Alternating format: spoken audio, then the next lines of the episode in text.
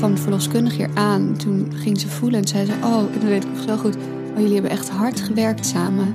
Je hebt 6 centimeter ontsluiting. En toen moest ik zo huilen, omdat ik dacht... Oh, mijn lichaam snapt het dus. Die eerste keer zei niks over hoe het dit keer gaat. En ik was zo een soort van helemaal gelukkig dat ik dacht: oké, I got this.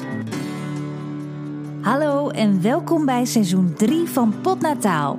De podcast waarin je vrouwen puur en eerlijk over een van de belangrijkste gebeurtenissen in hun leven hoort vertellen: de bevalling.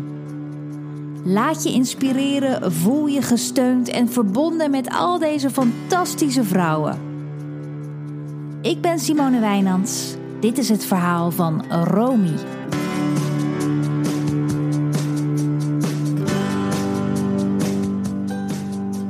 Ik ben Romy, moeder van twee, kindjes van vier en twee. En ik ben nu zwanger van mijn derde kindje. Uh, ik ben opgegroeid in Amsterdam, hier ook geboren. En we gaan nu voor het eerst de stad verlaten. Um, we gaan namelijk naar Apkoude verhuizen. Dus ons derde kindje wordt geen stadskind. Uh, mijn laatste bevalling is van ons zoontje geweest, Mozes. En dat was op kerstavond 2017.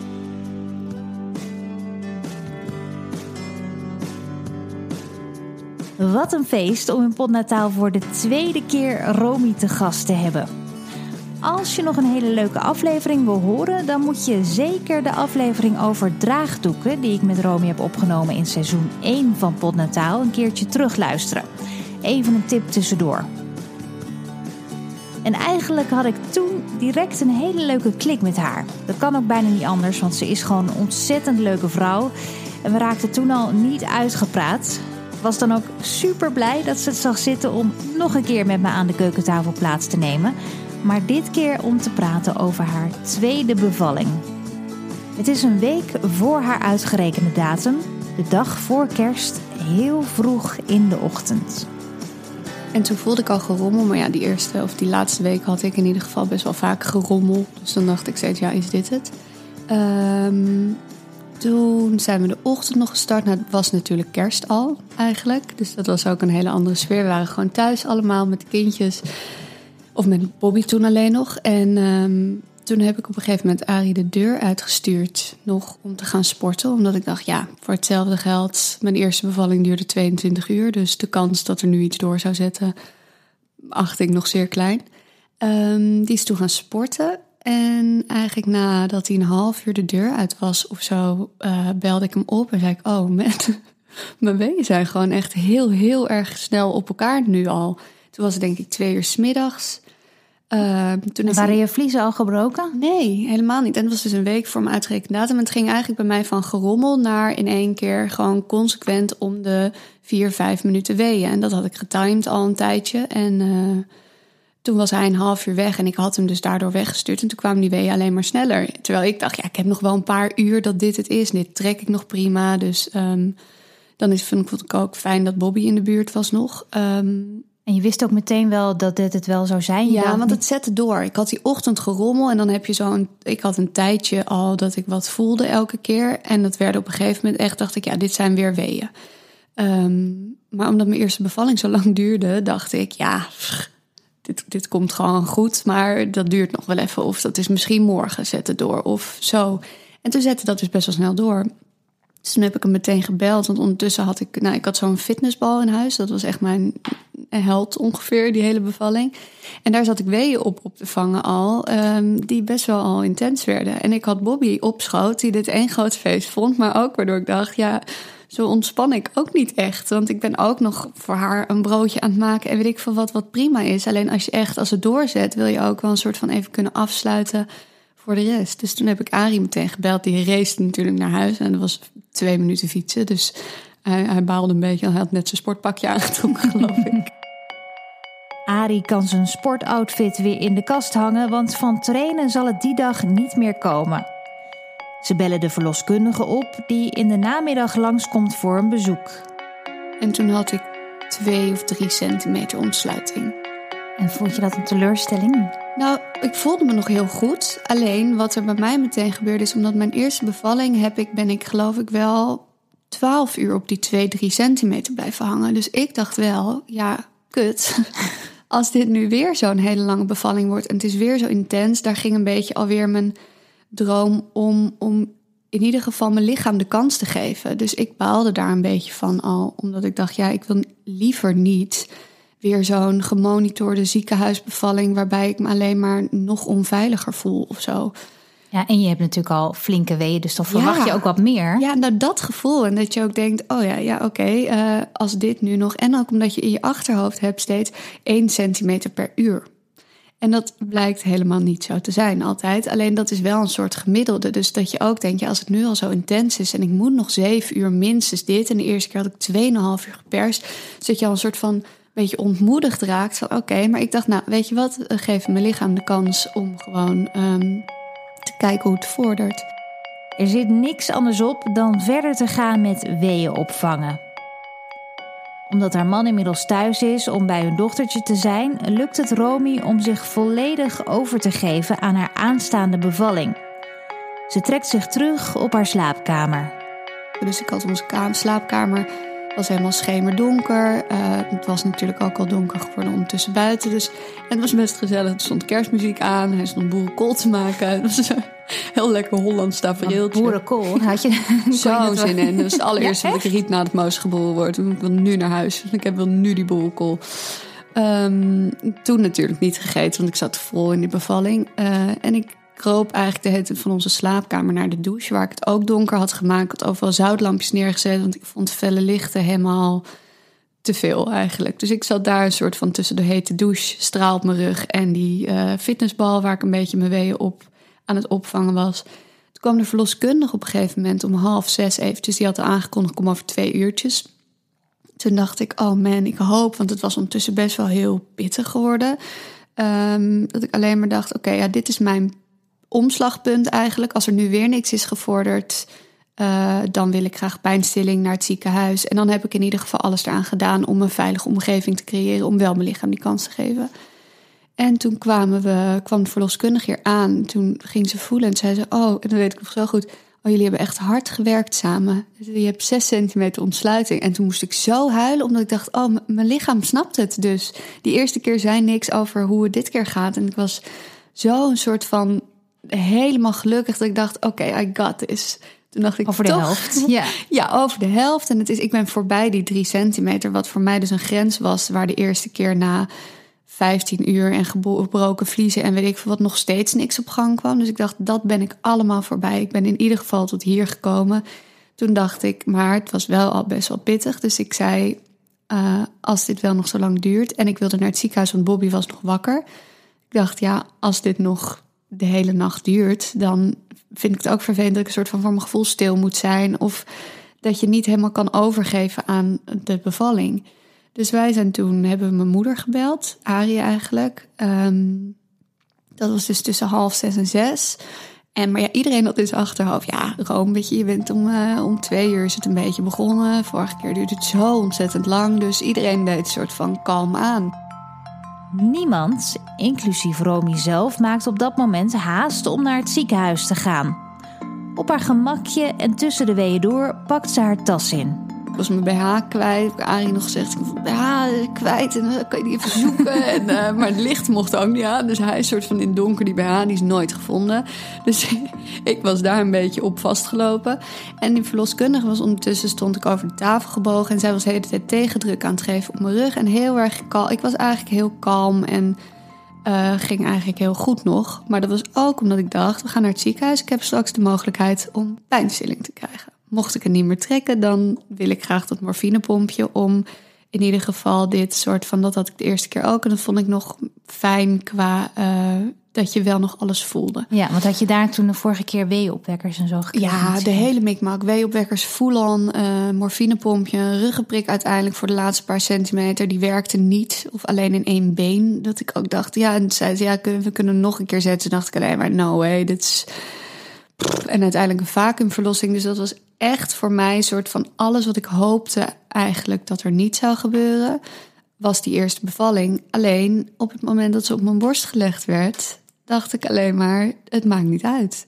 Wat er ook gebeurt, of hoe je bevalling ook loopt, ze, is er nu. Dus ja, jammer Ja, dat ja. ik een ander beeld in mijn hoofd had van tevoren. Of dat ik hoopte dat ik het zonder pijnstilling of wat dan ook zou kunnen doen. Of soort van, ik dacht ook nog van tevoren, ik wil in bad. En ik moest er niet aan denken. Ik had het bloed, hè. Ik dacht alleen maar, rot op met je bad. Laat mij maar gewoon met rust. Als er iets is wat veel vrouwen leren van hun eerste bevalling, is dat het vaak helemaal anders loopt dan je van tevoren bedenkt. Desondanks zijn er ook vaak dingen waar je tegenaan loopt bij zo'n eerste keer, waardoor je weet dat je het bij de tweede keer echt anders gaat aanpakken. Romy had ook een paar punten voor zichzelf op papier gezet van tevoren. Ik had een bevalplan geschreven de tweede keer, wat ik echt een heel fijn, ja, een soort stok achter de deur vond. Ehm, ik had daar bijvoorbeeld ingeschreven dat ik geen extra mensen in de ruimte wilde. Er hoefde geen koffie of thee of weet ik veel wat. Gewoon even niemand. Eh, als we iets willen komen, het komt iemand het wel halen. Eh, want die eerste keer had zoveel aanloop dat ik daardoor ook de hele tijd een soort van onrust voelde. Omdat ik steeds het gevoel niet echt kon kunnen ontspannen. Dus ik had het gevoel, als ik dat soort dingen allemaal soort van, dat kan ik wel controleren. De rest niet, hoe het verloopt niet, of ik pijnstilling nodig heb, ruggenprik, uiteindelijk een keizersnee. Allemaal dingen waar je geen controle over hebt. Waar heb ik wel controle over? Eh, hoe creëer ik voor mezelf een fijne omgeving in het ziekenhuis? Dus we hadden een, zoutlampje meegenomen. Haar had een heel eh, overlevingspakket, een tas gepakt. Omdat wij dachten, ja, voor hetzelfde geld zitten we daar weer de hele nacht. Dus dit was allemaal, denk ik, tussen half zes en zes. Nou ja, uiteindelijk... En het was kerstavond. Ja, kerstavond ook. Wat was het, was het toen? Wat was het voor weer? Was het Nee, viel mee. Er was gelukkig geen sneeuw of Nee. zo. Het was niet ook was nog dat je het plaatje van... wel perfect. oh, ja.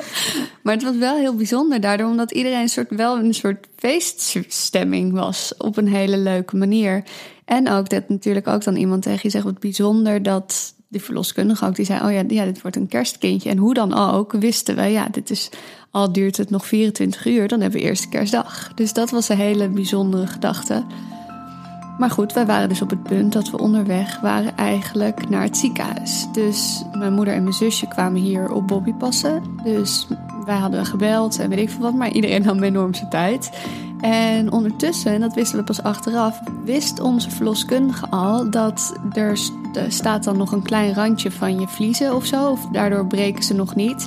En zij wist, als je vliezen nu breken, gaat het heel snel. Dus als je nog naar het ziekenhuis wil, dan moeten we nu gaan.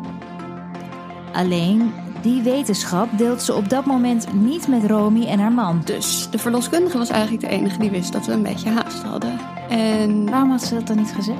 ik denk omdat ze niet wilde dat er een soort paniek ontstond. Want ik had al aangegeven, ik wil liever nu naar het ziekenhuis, want ehm, Bobby is nog wakker.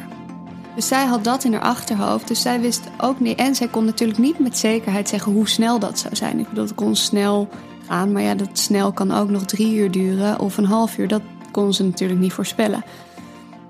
Dus zij dacht alleen maar, oké, ja, we, moeten nu gaan. Dus zij was steeds eigenlijk een beetje ons aan het opjutten. En ik was ondertussen zo'n soort van zen, omdat ik wist... ik krijg zo pijnstilling, het gaat goed, ik ben al heel eind. Dat gevoel.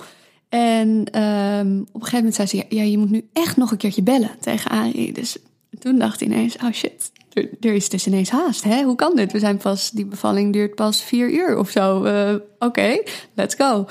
Eh, dus hij nog een keer bellen. Wij stonden dus al allemaal klaar. Arie, eh, de verloskundige en ik stonden al in het voorportaal met de deur open. Bobby hadden we op de bank geplant eh, met de gedachte... oh ja, shit, we moeten er dus echt uitrennen zo direct. En ik stond daar weeën op te vangen. En toen kwam mijn moeder binnen. En toen zei ik nog, we moeten nu gaan. Anders wordt hij gewoon nu hier in het halletje geboren. Ik voelde ineens, oké, dit, dit gaat gewoon hartstikke hard. En ik had toen kunnen thuisblijven. Alleen op de een of andere manier had ik me al ingesteld op, we gaan nu. Dus we zijn gegaan. Ik zat naast de verloskundige. Arie is in de eigen, eigen auto erachteraan gegaan. Zoveel haast was er dus. Zij race over de trambaan. op zo'n handdoekje waarschijnlijk, want de vliezen nog Ja, niet want mijn gebroken. vliezen waren nog niet gebroken. Dus, en zij race naar dat ziekenhuis, dus 800 meter vanaf hier. En toen dacht ik ineens, holy shit, Berrit, hij is er gewoon bijna. En wij in die rolstoel, hebben zij me toen gezet, in die rolstoel, die gangen beneden door.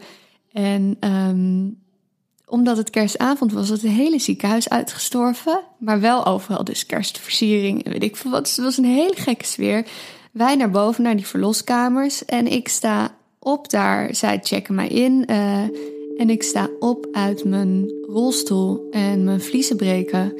meteen. En ik zei, oh ja, ik, moet, ik moet naar de wc nu. En toen zei ze, ja, dit zijn dus persweeën. Ik zo, holy shit. Doordat het kerstavond is, hangt er in het ziekenhuis een soort serene rust die niet lijkt te passen bij de snelheid van de bevalling op dat moment. De verloskundige zegt tegen Romy dat ze op bed mag gaan liggen. Ik was heel erg bij en heel erg contact aan het maken nog. En ook heel erg in contact met mijn lichaam. Dus was soort van. Ik kon helemaal niet bevatten dat dit allemaal zo snel ging. En nee, want dus... hoe voelde je? Was, had je veel pijn op dat moment ook? Of viel nee, dat eigenlijk viel dus heel erg mee. Omdat ik zo in een soort trance was geraakt van dat het allemaal goed ging.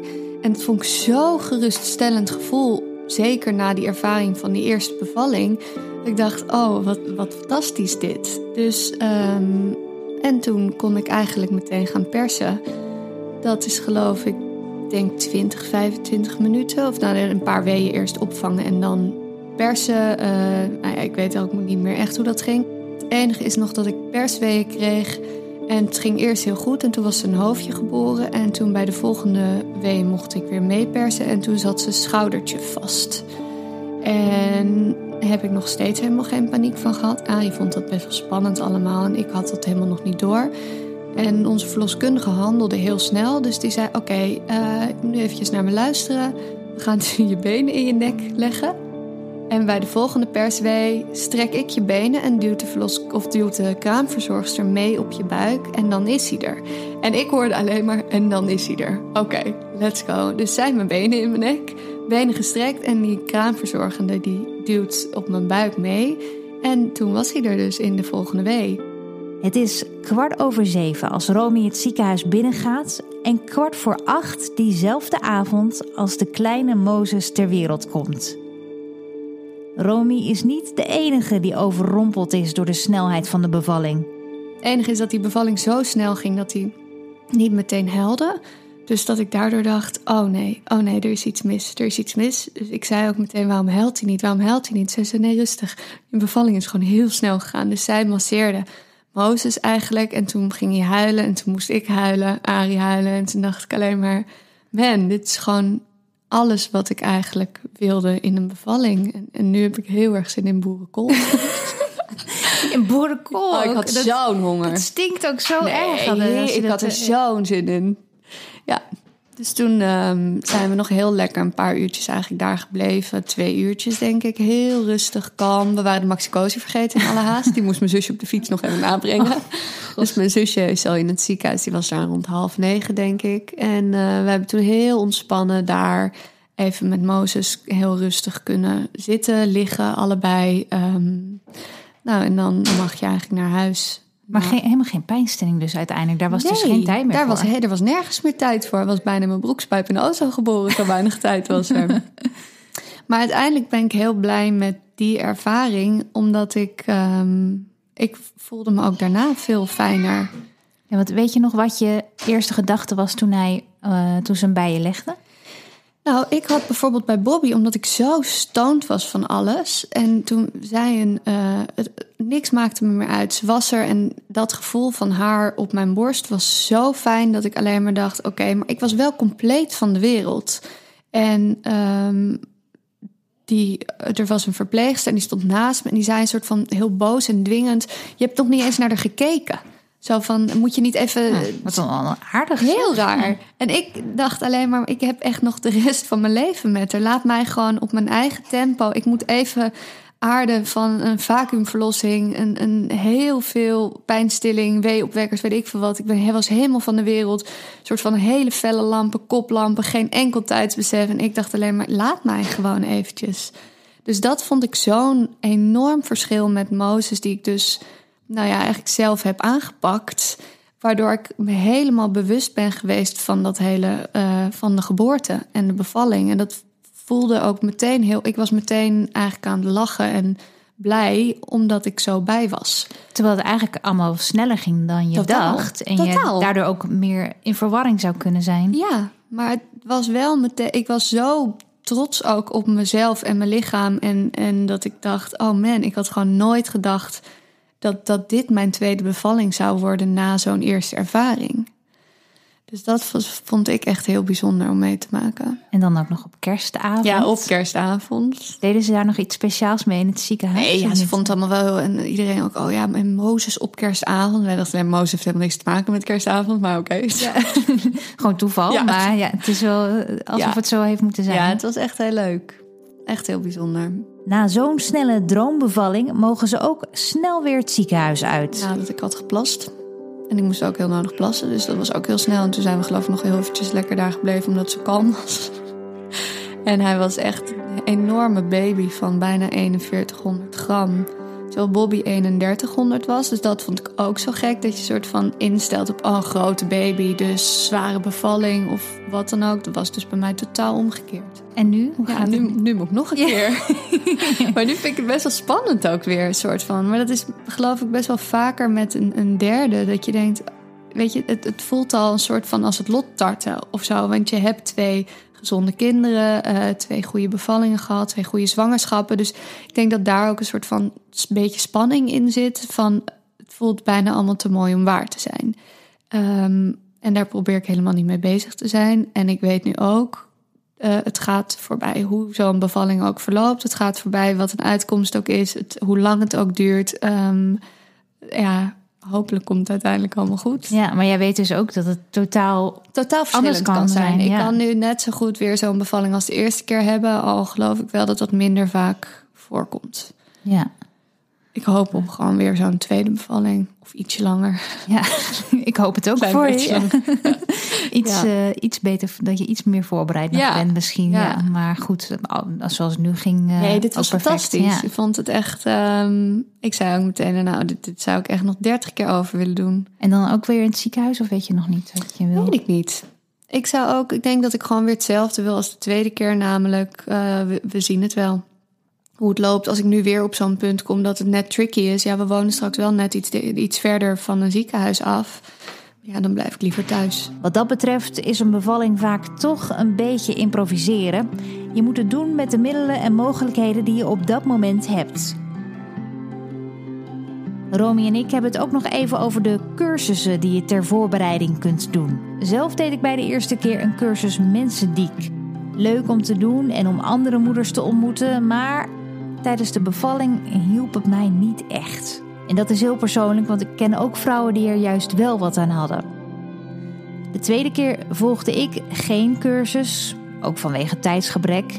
En Romy die deed juist bij haar tweede bevalling wat meer aan voorbereiding. De eerste keer inderdaad niks gedaan. En de tweede keer de vrije geboorte gelezen. En dat het korreltje zout genomen. Maar daardoor dus wel een bevalplan geschreven. En eh, ik weet niet eens meer of ik het daarover uit heb. Of dat iemand anders me die tip gaf om open klanken met je mond te maken. Dus tijdens een wedertje een A of een Oh ja. O-klank.